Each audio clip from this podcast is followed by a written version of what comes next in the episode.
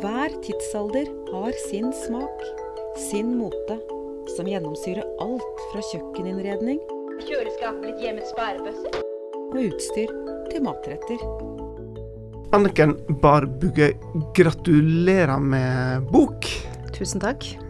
Du har nettopp kommet ut, kom ut med ei skikkelig svær, feit bok som heter 'Fattigmenn, tilslørte bondepiker og rike riddere'.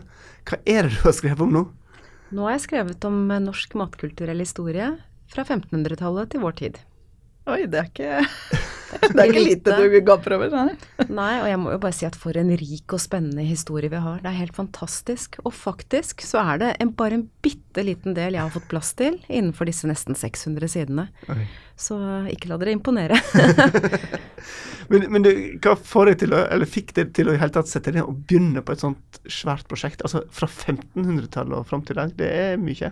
Det er mye. Um, det er egentlig flere ting. Uh, det som fikk ballen helt sånn praktisk til å rulle, det var en hyggelig og entusiastisk kommentar fra en professor oppe ved sosiologi på universitetet, uh, som sa at dette spennende materialet du sitter på, må du jo bare samle i en bok. Og sånn sett så fikk jeg, var ideen sådd, og så tok jeg kontakt med et forlag, og så begynte ballen å rulle. Men bakgrunnen for den samtalen med denne professoren, det var at uh, på den tiden så skulle SIFO, altså Forbruksforskningsinstituttet SIFO, uh, bli en del av Oslo OsloMet, og vi skulle flytte. Og når man flytter, så må man rydde. Og da begynte jeg å rote rundt i alle de materialene jeg har hatt gjennom mine over 20 år som forsker ved SIFO. Og jeg fant jo så mye spennende, og så tenkte jeg at dette kan jo ikke bare støve ned inne på mitt kontor. Dette fortjener å komme ut i dagslyset. Så det var også en tanke jeg hadde, som motiverte meg til å skrive boken. Og så eh, var det også denne følelsen av at å, vi har så rik og spennende historie, det er så mange huller i vår kunnskap. Og som jeg skriver innledningsvis, jeg hadde lyst til å gi leserne et innblikk i det norske kjøkkenets tilblivelse. Mm. Så en, det var mange ting. Men hvordan har du jobbet underveis med et så stort materiale?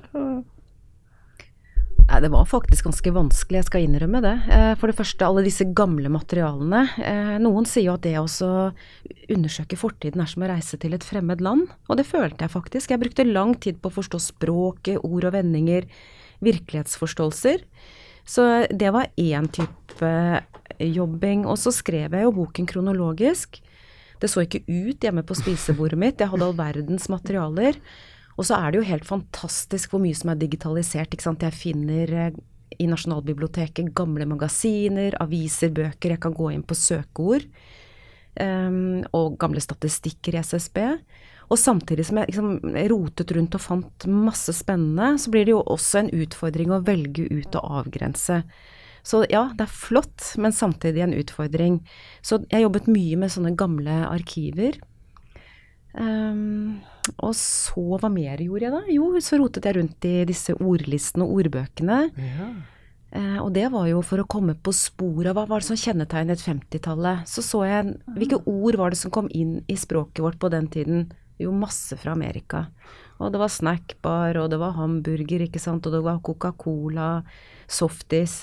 Og så begynte jeg å rote rundt. Hvorfor var det så mye amerikansk som kom? Hva var det som gjorde at Amerika var så i tiden på 50-tallet? Og sånn gikk jeg jo videre oppover, da. Men, men du, sist gang du var i podkast med oss, så snakka du om genmodifisert mat. Mm. Men du sa du begynte på 1500-tallet. Hva kjennetegner mat på den tiden? Det vi veldig ofte glemmer når vi er opptatt av norske mattradisjoner, er at sult faktisk har vært en utrolig viktig del av vår matkulturelle historie. Folk var sultne, folk hadde for lite mat, og det var mye usikkerhet. Og det, beskrivelsen er vel at det er veldig sparsommelig, ensidig og tarvelig. Og vi spiste faktisk grøt og velling til nesten alle dagens måltider. Vi hadde jo veldig få muligheter til å oppbevare mat, så det var jo tørket, røkt og saltet. Eh, og vi spiste lite kjøtt, og det gikk mye i melkeretter, surmelk, og brød og kornprodukter, altså flatbrød. Så mm, nei, det var veldig enkelt og spartansk, vil jeg si, og det var mye sult og usikkerhet. Men hva spiste vi når vi skulle kose oss 1500-tallet? Altså hva, hvis man virkelig hadde råd til å slå litt på stortromma? Det var ganske store klasseforskjeller, men hvis man virkelig skulle slå på stortromma, så var det jo kjøtt, gjerne. eh, Røkt kjøtt. Og så må jeg også berømme denne poteten, da. Den kom jo til Norge på midten av 1700-tallet og ble en veldig viktig ingrediens i det norske kostholdet.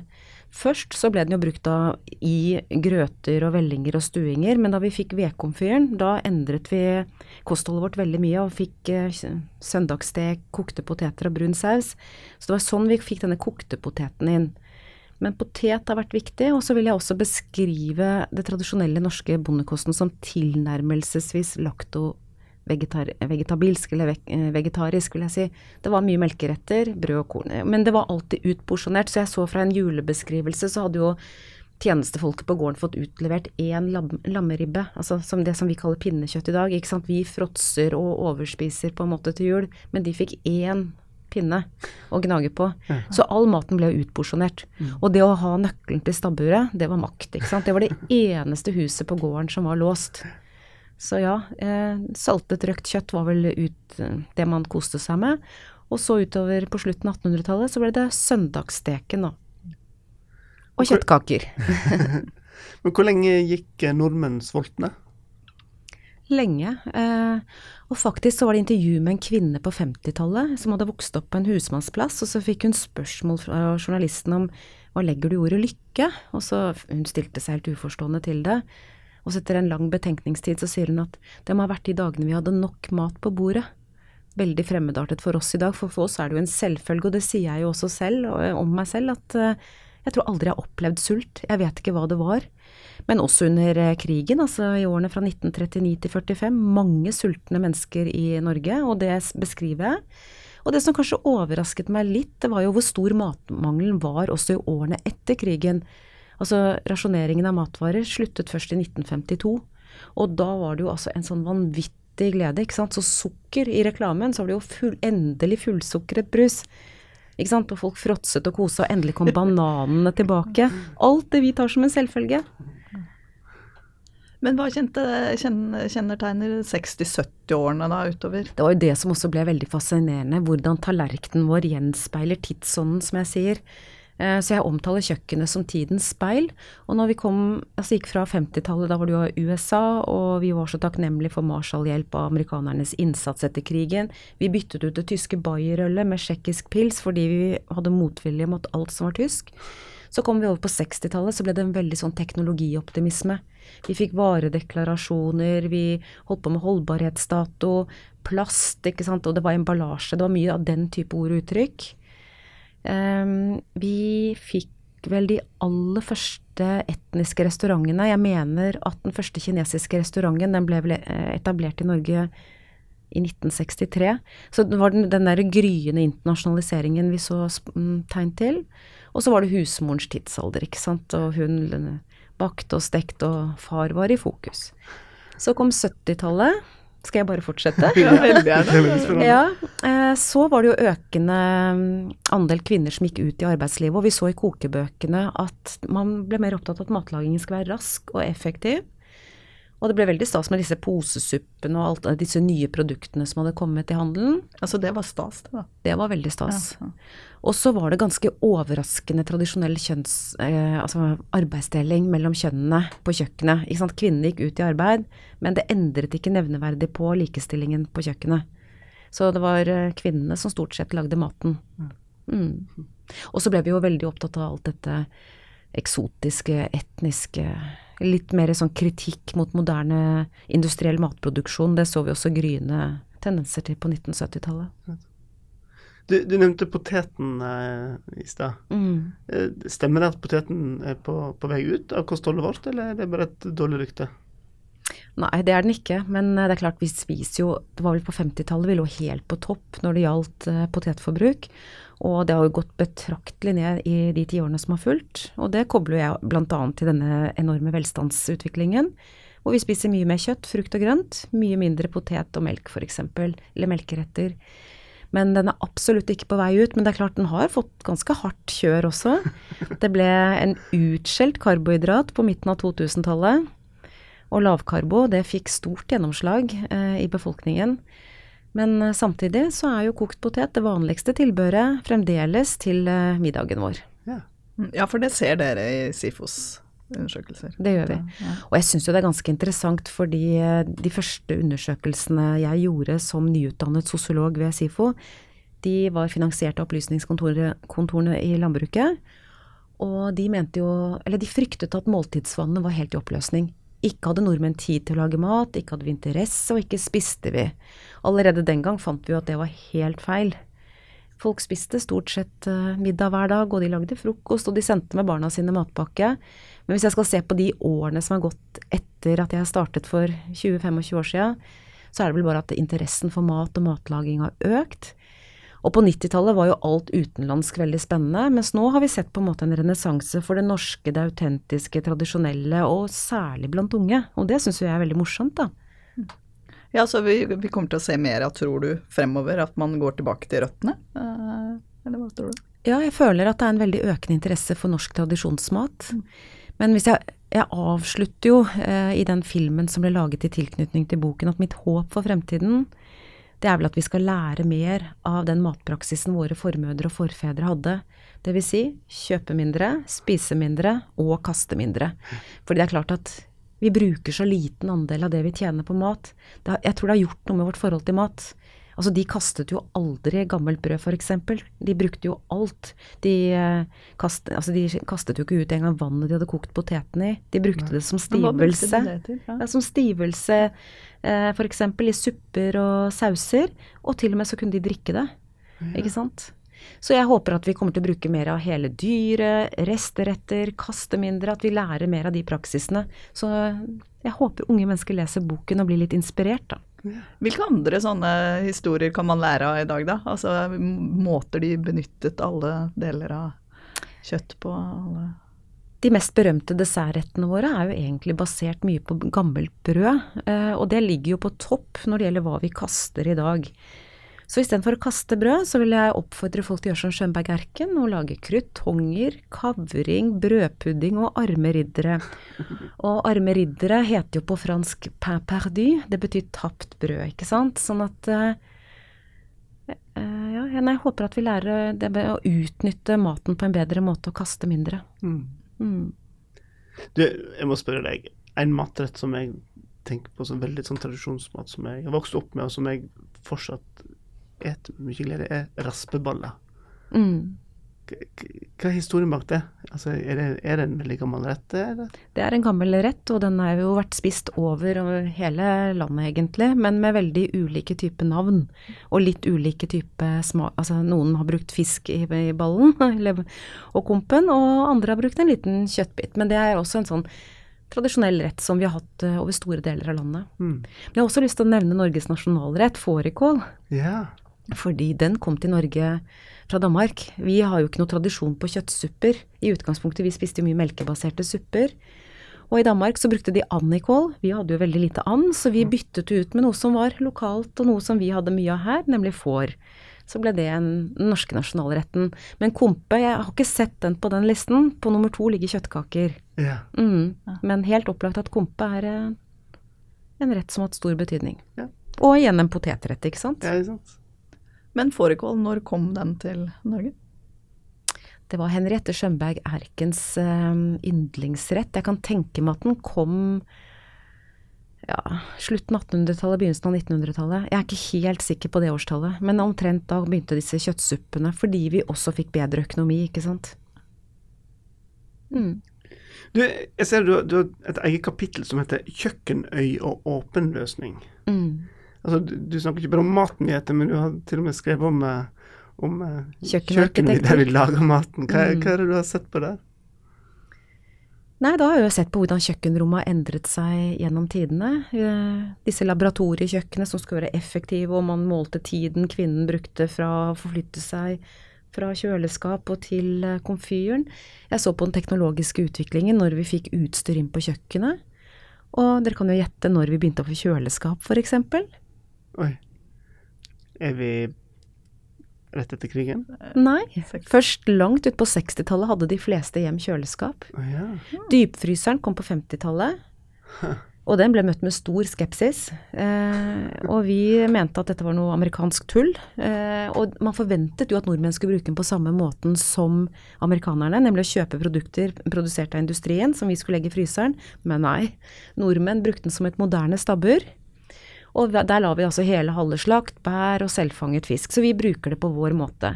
Men jeg har altså sett på utstyret, hvordan det har kommet inn på kjøkkenet, og selve arkitekturen.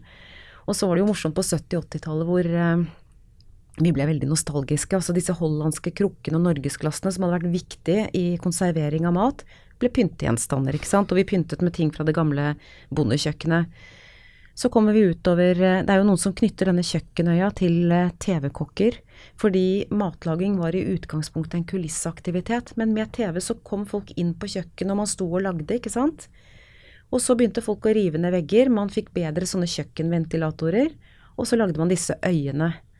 Og de har jeg skrevet en lang historie om i, i boka. Men hva er, det, hva er det som kjennetegner det, matkulturen vår i dag? Altså hva er de viktigste forskjellene fra tidligere tider, tenker du?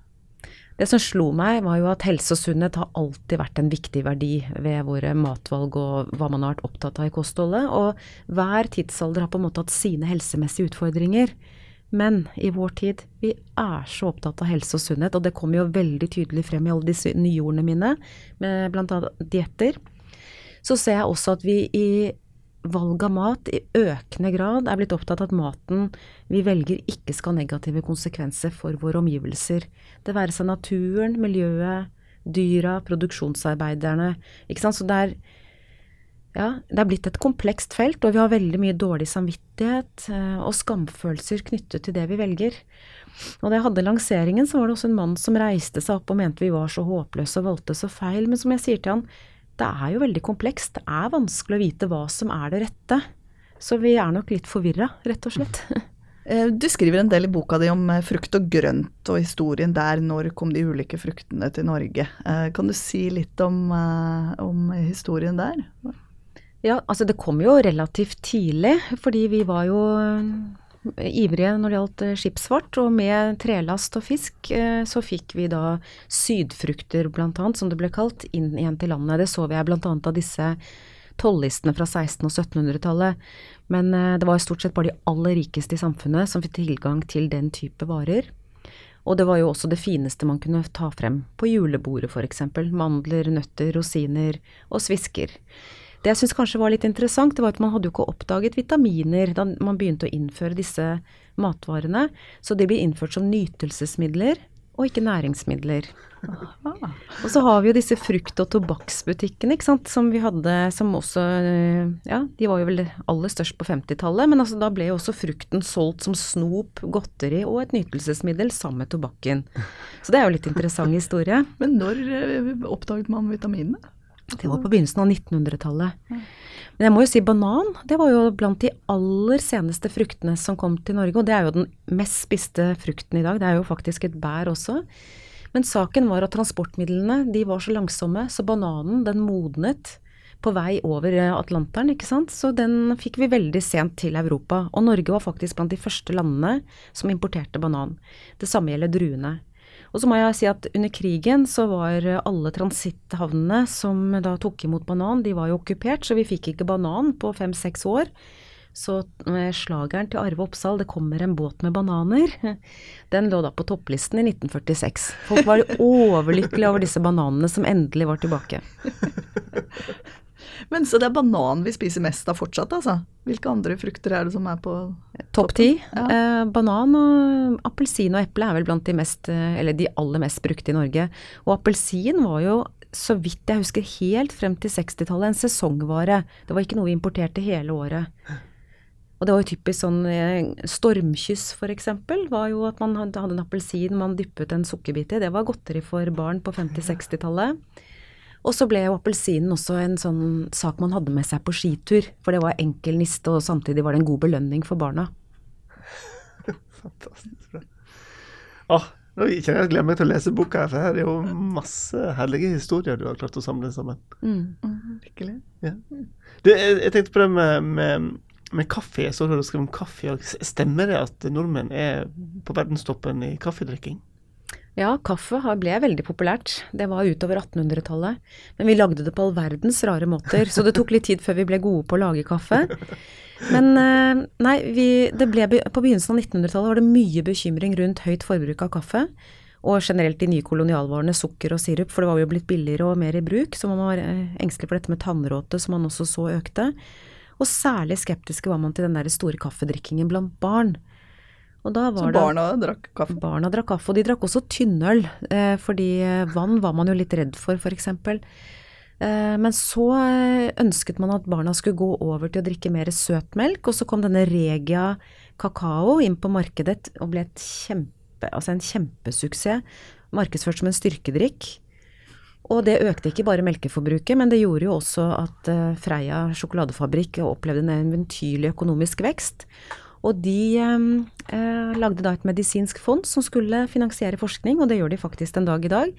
Men eh, de finansierte også en av de viktigste studiene jeg har brukt i boka. Så ja, det er mange historier her eh, som jeg tror vil eh, vekke engasjement og være litt overraskende for mange. Er det noe du, du vil si helt til slutt om, eh, om hva du håper folk tar med seg videre fra boka? Nei, jeg tenker at vi har en fantastisk rik og spennende mathistorie. Jeg håper kanskje noen blir eh, inspirert til å gå videre med studier. Det er jo masse å ta tak i her. Egentlig kan jo hver og en av ingrediensene være nok til en hel avhandling. Um, og så syns jeg også det er en del sånn huller eh, i, i vår kunnskap om hvordan vi faktisk har stelt i stand. Så der tenker jeg at eh, ja, det er viktig å, å bidra med at folk får mer innblikk i det. Og det siste jeg tenkte på, er at da jeg begynte å jobbe med mat, så følte jeg at nordmenn hadde så lav matkulturell selvfølelse. Norsk mat var kjedelig, og vi var ikke noe flinke, og vi var så traurige. Jeg syns vi har veldig mye å være stolte av. Så det er jo også en, et, en ting jeg håper. Du, nå som du har brukt hva du sa, tre år på å skrive denne boka her og satt deg inn i alt det stoffet, har- det endret måten du lager mat på? Har du liksom laga den gamle maten du har skrevet om? Det som kanskje har endret meg aller mest, er at jeg har fått et mye mer problematisk forhold til de der grønne søppelposene mine. Fordi um, før så tenkte jeg å, jeg har så råvarebasert kosthold, jeg er så flink til å drive med råvarer, og så ender det mye skrell og spetakkel oppi de grønne posene. Men nå føler jeg kanskje at jeg i altfor liten grad er flink til å utnytte de ressursene jeg har inne på mitt eget kjøkken. Så det å kaste mat er faktisk blitt litt mer trøblete for meg. Og så er jeg blitt mer nysgjerrig på gamle tradisjonsretter. Så i sommer så har jeg drevet da med brødpuddinger og arme ridder og krutonger og holdt på med det, eksempel. Jeg ble imponert over Schönberg Erken. Over 50 potetretter. Snakk om å være innovativ. Så jeg liksom jeg tester ut litt gamle retter. Så det, ja, det inspirerer. Hvilken rett vil du anbefale også å teste ut? Jeg syns det var morsomt med alle disse resterettene, da, med hvordan hun brukte gammelt brød. Det er vel kanskje det som er eh, det jeg først vil anbefale, da. Eller noen av alle potetrettene. Det siste forskningsprosjektet jeg har jobbet med, det handler om eh, nordmenns villighet til å bytte ut animalsk protein med planteproteiner, og kjøtterstatninger og denne vegetarbølgen. Og så tenker jeg her skal industrien inn og lage massevis av nye, moteriktige vegetariske produkter. Og så glemmer vi at poteten er jo faktisk vegansk, og grønnsakssuppe er en, eh, ja, en gammel norsk tradisjon. Og i tillegg, når jeg så på disse 50-tallshistoriene, så var det jo sånn at barn skulle forsyne seg med kjøttkake, så fulgte alltid med en potet. Altså at vi på en måte, når vi snakker eh, om dagens matvaner, så kunne vi kanskje med noen små grep blitt litt mer bærekraftig, da. Ikke sant. Litt flere vegetabiler på tallerkenen, litt mindre mengde kjøtt. Det betyr ikke at du må bli vegetarianer, men eh, kanskje redusere noe. Og det samme på porsjonsstørrelsen, f.eks. Framtida, norsk mat fremover, blir det uten kjøtt og kun vegetarisk, tror du? Og industrimat som ligner på kjøttkakene våre? Det er ikke min drøm, for å si det sånn. Jeg ønsker at vi skal eh, ta, altså være opptatt av dette med helse og sunnhet, og at vi liksom gjør gode valg som ikke har negative konsekvenser for omgivelsene våre. Men eh, når det gjelder norsk mathistorie, så er den veldig bærekraftig, vil jeg si. Så jeg tenker at eh, mer tilbake til røttene er vel min drøm. Og den aller største drømmen min er jo at vi skal bruke enda mer av alle de spiselige vekstene som finnes i norsk natur. Vi er så dårlige på å utnytte norske skogsbær, eh, granskudd, bjørkesevje, sopp, ikke sant, som vokser ute i norsk utmark. Så der har vi også en jobb å gjøre. Mm. Fantastisk. Anniken Barbugge, tusen takk for at du kom i studio, og igjen gratulerer med litt av et prosjekt. Takk. Så anbefaler vi alle som hører på å kjøpe boka, for den skal i hvert fall jeg lese. Jeg har begynt å lese nå. Er veldig, veldig lesbar og spennende. Ja, så hyggelig at du sier det.